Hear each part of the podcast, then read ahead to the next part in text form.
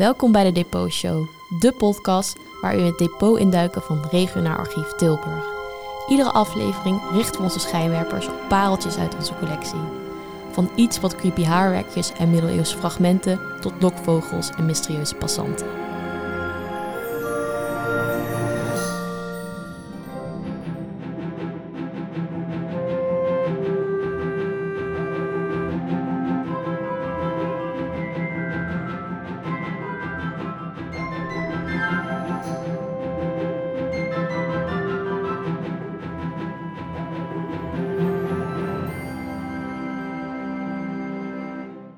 Welkom bij deze derde aflevering van de Depot Show.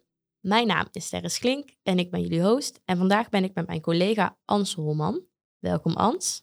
Hi Sterre, leuk uh, om hier te mogen zijn. Ja, uh, Ans, jij werkt al 14 jaar bij ons als medewerker dienstverlening. En je staat bij ons bekend als een van de beste speurders.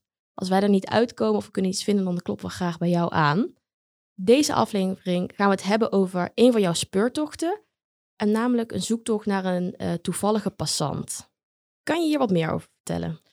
Nou, ik deed uh, onderzoek uh, in de archieven van de gemeentebestuur van Geels en Rijen. En ik kwam daar eigenlijk een heel interessant proces verbaal tegen uit 1925. pardon, 1825.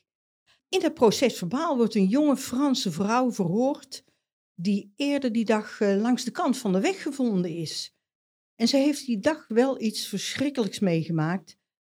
En ik wilde eigenlijk meer over haar uh, te weten komen. Waar kwam ze vandaan en wat is van haar uh, geworden? Helaas verliep die zoektocht uh, iets minder soepel dan dat ik gehoopt had. En ehm, waren de resultaten ook wat magerder dan gewenst was. Oké, dat klinkt spannend. En ja, is dat één procesverbaal of zitten daar wel meer spannende procesverbalen in? Um, in zo'n boek werd uh, allerlei procesverbaal uh, ingeschreven, maar bij een procesverbaal moet je niet meteen bedenken uh, dat het allemaal politiezaken zijn. Want je vindt er bijvoorbeeld ook de schouwen van sloten en waterwegen uitgebreid beschreven. Ja. En andere zaken die binnen het dorp organisatorisch van belang waren. Dus het was niet allemaal spannend uh, wat er in die boeken stond. Oké, okay, oké. Okay. Terug naar het verhaal. Ja. Waar begint het verhaal? Het verhaal begint eigenlijk in Den Bosch. Ik heb daar uh, met wat speurwerk uh, ben ik erachter gekomen dat de twee vrouwen die ik gevolgd heb, begin oktober zich uit laten schrijven uit het bevolkingsregistratie van de stad Den Bosch. En er viel me op, die twee vrouwen die hadden mooie Franse namen. De ene vrouw heette Marie-Reine Frérard. Oh, wauw. Ze was uh, 23 jaar oud en ze had sinds eind april 1825, dus zeg maar zo'n zes maanden, in Den Bosch gewoond. En bij de inschrijving werd genoteerd, toen ze kwam wonen dus in Den Bosch, dat ze komende was van Charleroi en dat haar paspoort was afgegeven in Namen. Er stond geschreven namuur. En ze geeft op dat haar beroep uh, kantwerkster uh, is. Wat is een kantwerkster precies? Een kantwerkster, dat is eigenlijk een kantkloster. Iemand die aan kantklossen doet. Je weet wel, met zo'n kussen en uh, van die klosjes. Ah, ja, ja. Nu is het een hobby van sommige mensen. Want je kunt er echt de kost niet mee verdienen. Het uurloon zou de kant onbetaalbaar maken. Hm. In sommige streken was het uh, juist huiswerk uh, voor vrouwen in die tijd uh, van Marie-Reine Ferrard. En zo kon er voor de thuisblijvende vrouwen toch nog iets bijverdiend worden. Al was het zeker geen goed betaalde banen hoor. Um, en in het verleden was kant echt heel kostbaar. Toen al hoor.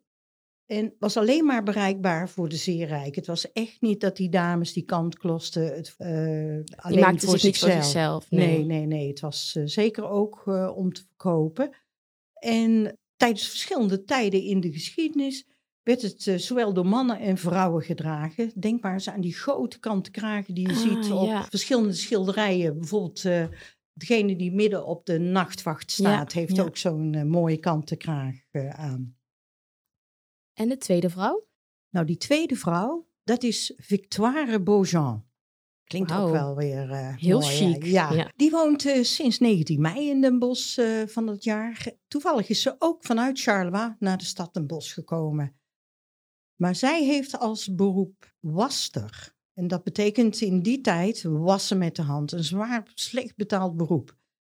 Victoire die heeft minder scholing gehad eh, als Marie Reine. Want eh, bij de bevolkingsregistratie kan eh, Victoire haar inschrijving niet ondertekenen met haar eigen naam. Het is eh, zoals de klerk het opschrijft, de comparante verklaard heeft niet te kunnen schrijven. Victoire geeft bij het uitschrijven in Den Bosch aan dat ze in Breda zal gaan wonen. Oké. Dus Marie en Victoire vertrekken samen uit Den Bosch. En waar kennen zij elkaar van? Ja, ik heb eigenlijk geen idee hoe goed de vrouwen elkaar kenden en waar ze elkaar hebben leren kennen. Dat heb ik eigenlijk eh, niet terug kunnen vinden, maar ze woonden in dezelfde straat. Ah, kijk. Ja, de Tolbrugstraat.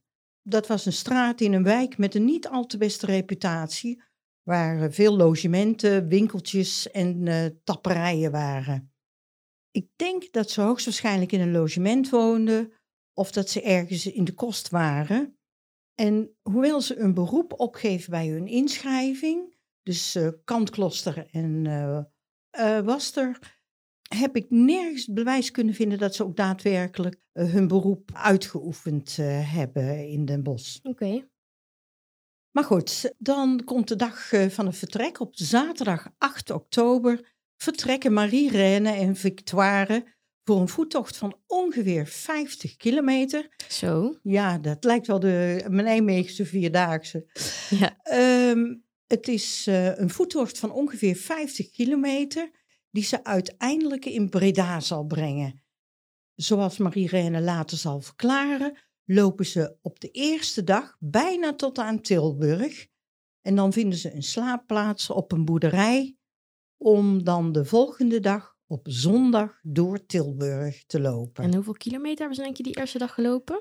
Ja, als ze Tilburg door zijn, dan eh, hebben ze nog eh, 20 kilometer voor de boeg. Dus Nou, nou, toch zeker wel een 25 kilometer eh, die eerste dag. Zo. En eh, de eerste dag van hun tocht eh, van Den Bosch eh, tot bijna aan Tilburg kunnen Marie-Reine en Victoire gebruik maken van de nieuwe weg die juist aangelegd is tussen Tilburg en Breda. Eh, hij is nog niet helemaal klaar, maar het tracé eh, Tilburg, pardon, Den Bosch-Tilburg, dat eh, ligt er al. En bij de aanleg van die nieuwe weg was er juist voor gekozen om een rechtstreekse verbinding te maken. De weg liep dus niet meer zoals voorheen langs allerlei dorpjes. Het maakte de voettocht misschien wel wat saaier en eenzamer, maar het scheelde natuurlijk een aanzienlijk aantal kilometers vergeleken bij dat je eerst via via de route. Ja, ze hoefden niet meer te slingeren. Nee, nee, het was gewoon één rechte weg. Eigenlijk eh, de weg die er nu nog ligt, eh, dat, eh, dat is niet veranderd. Maar de Rijksweg Den Bosch-Tilburg is nog amper klaar. En als ze dan in Tilburg de stad door zijn, dan komen ze aan de westkant en daar beginnen de paden, de zandpaden weer. En ze komen dan ook terecht op heel uitgestrekte lege heide die aan de westkant eh, in die tijd eh, van Tilburg ligt.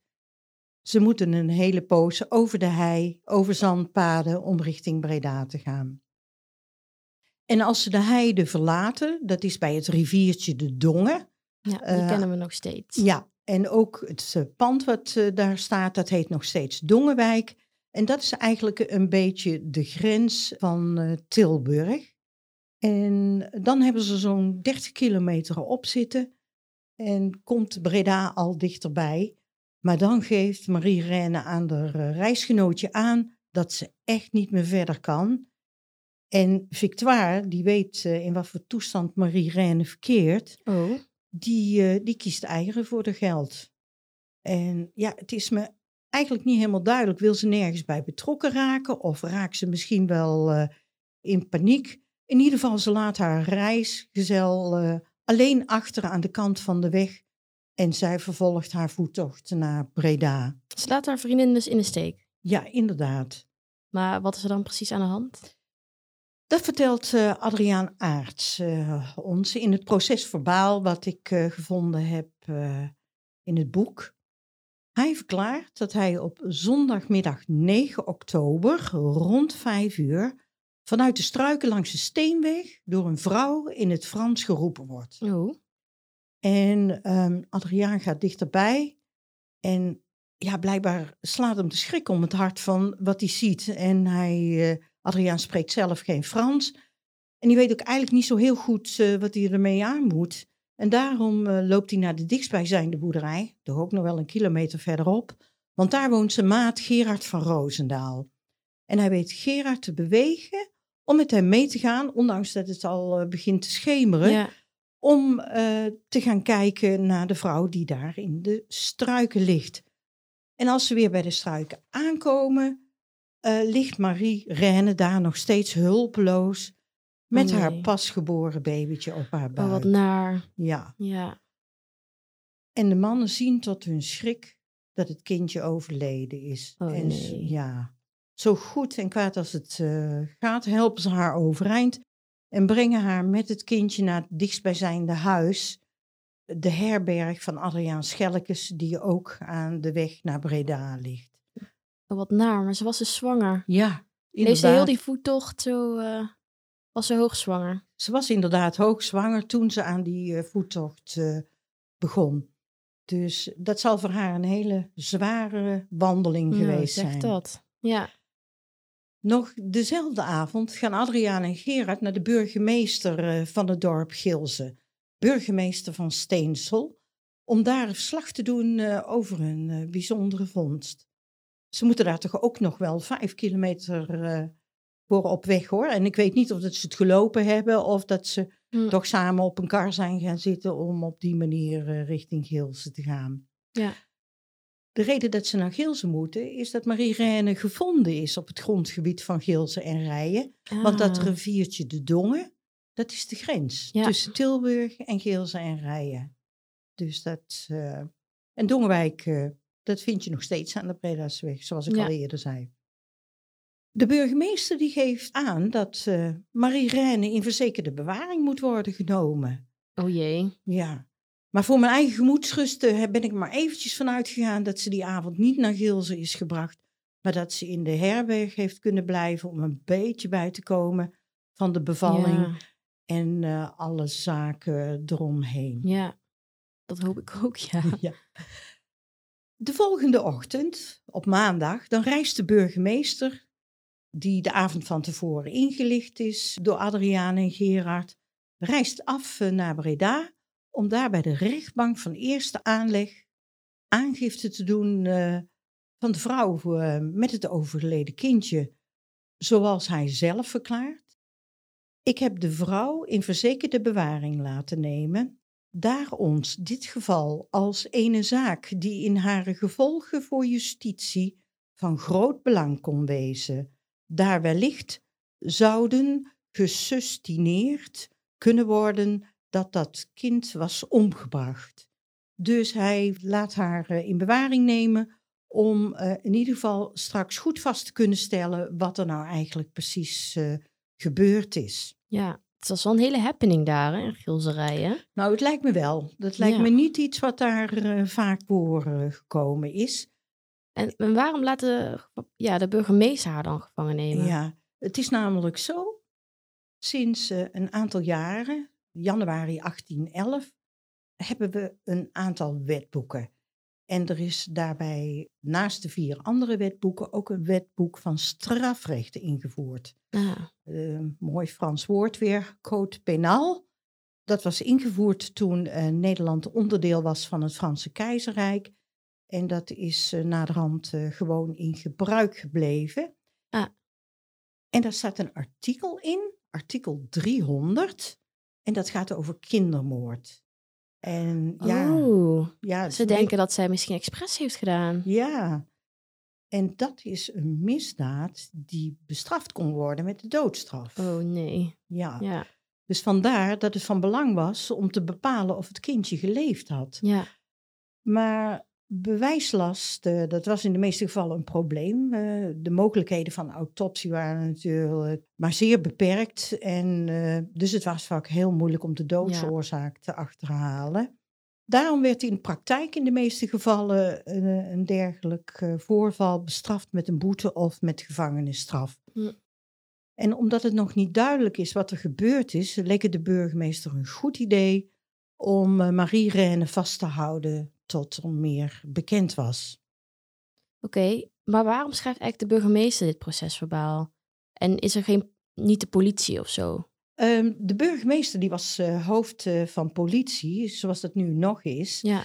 Met het verschil dat vroeger de procesverbalen opgesteld werden en ingezonden werden aan de officier van justitie via de burgemeester. Er was natuurlijk wel uh, een veldwachter, maar dat kon je in die tijd nog maar nauwelijks een professional noemen. Hij hield zich voornamelijk bezig met wat uh, ordehandhaving. Ah, oké. Ehm, maar hoe gaat het verhaal verder? Wat gebeurt er met Marie Renne? Na het bezoek aan uh, de officier van justitie op die maandag, hè, dan gaat de burgemeester te raden bij de weledele gestrenge heer van Poppel, chirurgijn en vroedmeester te Ginneken. En die belooft de volgende dag al vroeg af te reizen naar Gilze om samen met de heer Jansens, mediciendokter te Gilze, om negen uur in de ochtend het lichaampje te gaan onderzoeken. Oké, en wat is het verschil tussen een chirurgijn en een mediciendokter? De mediciendokter die had een studie gedaan. En dat betekende ook dat hij vaak voortkwam uit een wat hogere klasse van uh, de maatschappij. Want zo'n studie was nogal kostbaar. Ja. En de medicijndokters die behandelden inwendige ziektes, zoals maag- en darmziekte, nierproblemen, hartafwijkingen en aandoeningen aan de luchtwegen. En de chirurgijns die stonden in minder aanzien uh, als de medicijndokters. Die hoorden eigenlijk een beetje meer uh, bij de stand van de handwerkslieden. Ze hielden zich bezig uh, met de uitwendige geneeskunst, zoals bijvoorbeeld de behandeling van wonden, botbreuken, gezwellen en dergelijke. En vaak waren ze ook uh, barbier, want ja, ze konden goed met mes omgaan. Oké, nou ja, duidelijk verschil wel. En een vroedmeester, wat ik ook uh, noemde, ja. dat was iemand die gespecialiseerd was in moeilijke bevallingen. Het was bijvoorbeeld iemand met meer kennis dan bijvoorbeeld een vroedvrouw of een accoucheur of accoucheuse. Ah, oké. Dat is ook een soort specialisme. ja, ja. ja, wat we nu een verloskundige zouden noemen. Ja. ja. En hoe verliep dit onderzoek? Dus op uh, dinsdagmorgen om negen uur staat burgemeester van Steensel en de heer Janssens, de medicijn-dokter, klaar om uh, heer Van Poppel, de chirurgijn en vroedmeester uit Ginneke te ontvangen. Maar uh, helaas, als het elf uur is geworden, nog steeds geen uh, heer van Poppel. Hij komt gewoon niet opdagen. Hij komt dus gewoon niet opdagen en moet er een andere oplossing gezocht worden. Okay. Kijk, communicatie in die dagen was natuurlijk niet zo snel. Hè? Nu bellen we even of sturen we een appje. Maar toen uh, nam het zeker meer tijd in beslag, want de afstand uh, Geelse-Ginneke is zeker niet uh, in een korte tijd te bewandelen. Nee. Uiteindelijk vinden ze een oplossing, want geluk bij een ongeluk Laat nou net op die dag de chirurgijn en accoucheur uit Oosterhout in het dorp uh, Geelze zijn.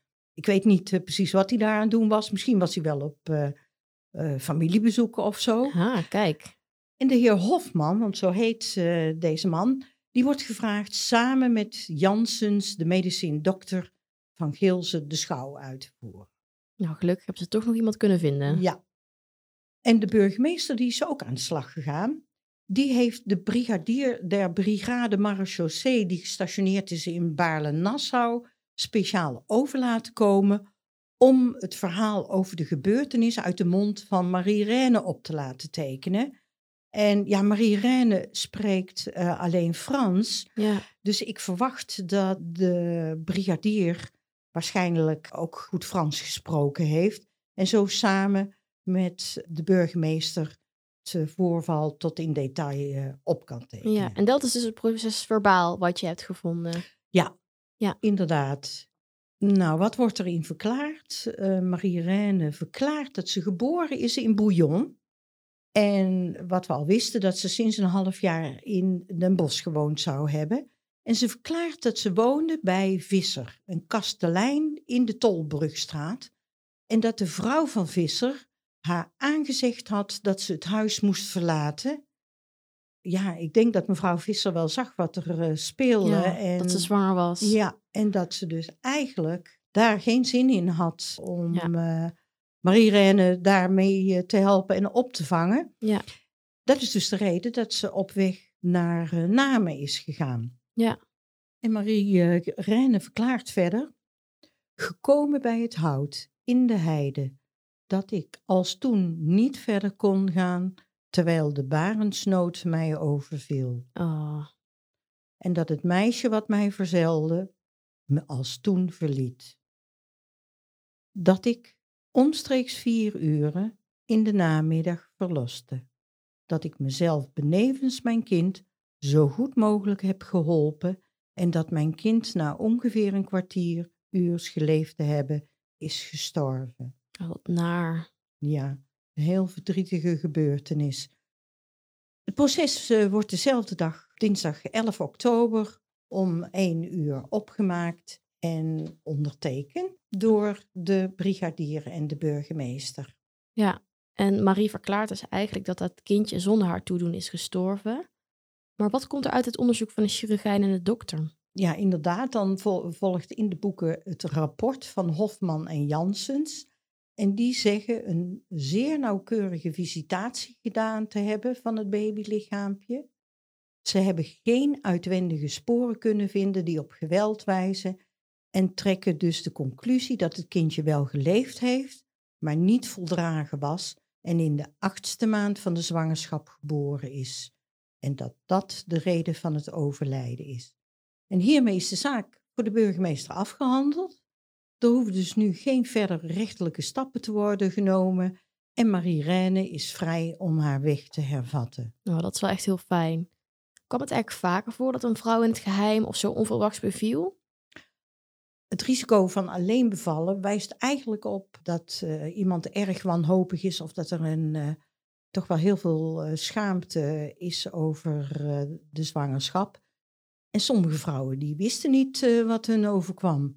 En dit kwam of voort uit ontkenning, of natuurlijk ook onwetendheid op het gebied van uh, seksualiteit. Ja. En voor 1811 kon een ongehuwde vrouw zich nog beroepen op een trouwbelofte. En zodoende via de rechter de verwekker van het kind dwingen haar te trouwen. En wilde die man niet uh, trouwen, had ze altijd nog de mogelijkheid om een schadevergoeding te eisen in verband met uh, ontering van een goede naam de kosten van de kraam en de soort alimentatie uh, voor het ah, kind. Okay. Dus voor 1811 was er eigenlijk toch wel een soort rechtsbescherming uh, voor de vrouw. Ja. Maar met de ingang van die nieuwe wetboeken, waar we het eerder al uh, over hadden, hè, in 1811, ja. verdween dit recht voor vrouwen. En stond een ongehuwde zwangere vrouw gewoon er alleen voor. Ja, dus ze kon het, ja, het vader van het kindje niet op het matje roepen of aanspraak doen op geld of Nee. Op een huwelijk? Nee. nee. Een trouwbelofte die had uh, geen uh, rechtsgeldigheid meer. Dus uh, na 1811 werd het een geval van wie het kindje krijgt mag het houden. Ja, ja. triest.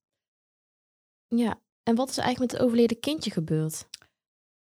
Het kindje, waarvan we eigenlijk niet weten of het een jongetje of een meisje was, want dat, oh ja. dat wordt helemaal niet verteld nee. in het proces verbaal. Dat is waarschijnlijk begraven op het kerkhof in Geelze. Maar omdat het ongedoopt overleden is, mocht het niet op de gewijde grond uh, van het uh, katholieke kerkhof ah, begraven worden. Ja. Zodoende zal het in een speciale strook grond net buiten het kerkhof begraven zijn. Jammer genoeg zijn er uh, van dat jaar geen begraafboeken bewaard van de parochie van Gilze. En ook de boeken van het armenbestuur, die in dit soort gevallen de rekening voor de begrafenis betaald zou hebben.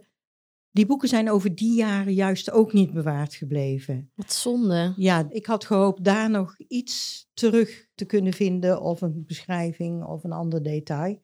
Ja. En eigenlijk is het zo onverwacht als uh, Marie-Reine Freraar opduikt in de geschiedenis van de gemeente Gilze en Rijen. Zo verdwijnt ze ook weer. Want ondanks heel wat naspeuringen heb ik niets meer van haar kunnen vinden.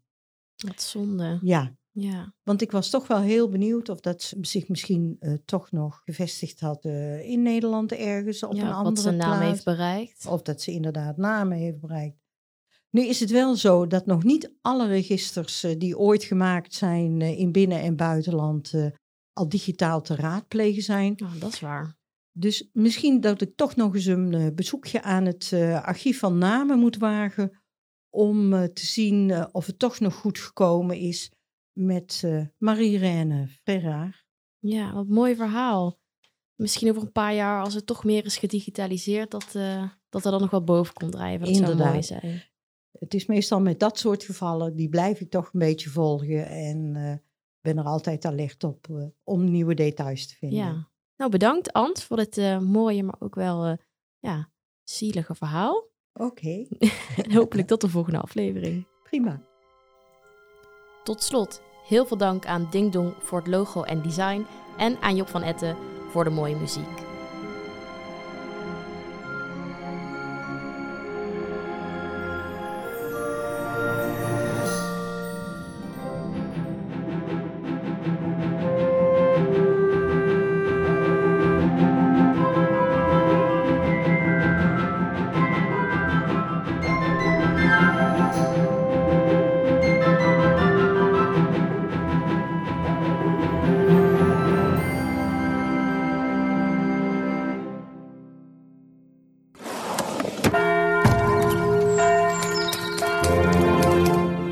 Op zoek naar meer mooie verhalen uit het rijke Brabantse verleden?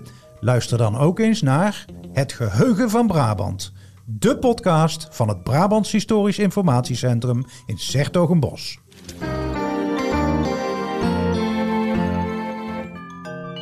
Elke maand een nieuwe aflevering over een historisch thema. Van Brabantse boeven tot de eerste vrouwelijke burgemeester van ons land. En elke aflevering duiken we diep in het dossier Marietje Kessels. Dat en nog veel meer historie uit onze provincie. Neem nou dit. Als ik met enige wellust naar jou kijk, Marilou, en dan hoef ik dat maar vijf seconden voltrouwen volgens de theologen, dan heb ik dus een, een doodzonde begaan. Laat je verrassen door bijzondere verhalen uit ons archief en dwaal mee door onze depots met onze reisleider Marilou Nilsen. En ontmoet, naast jou Anton, nog veel meer van onze collega's. Kijk op big.nl slash podcast of in je favoriete podcast app. Daar vind je alle afleveringen van Het Geheugen van Brabant.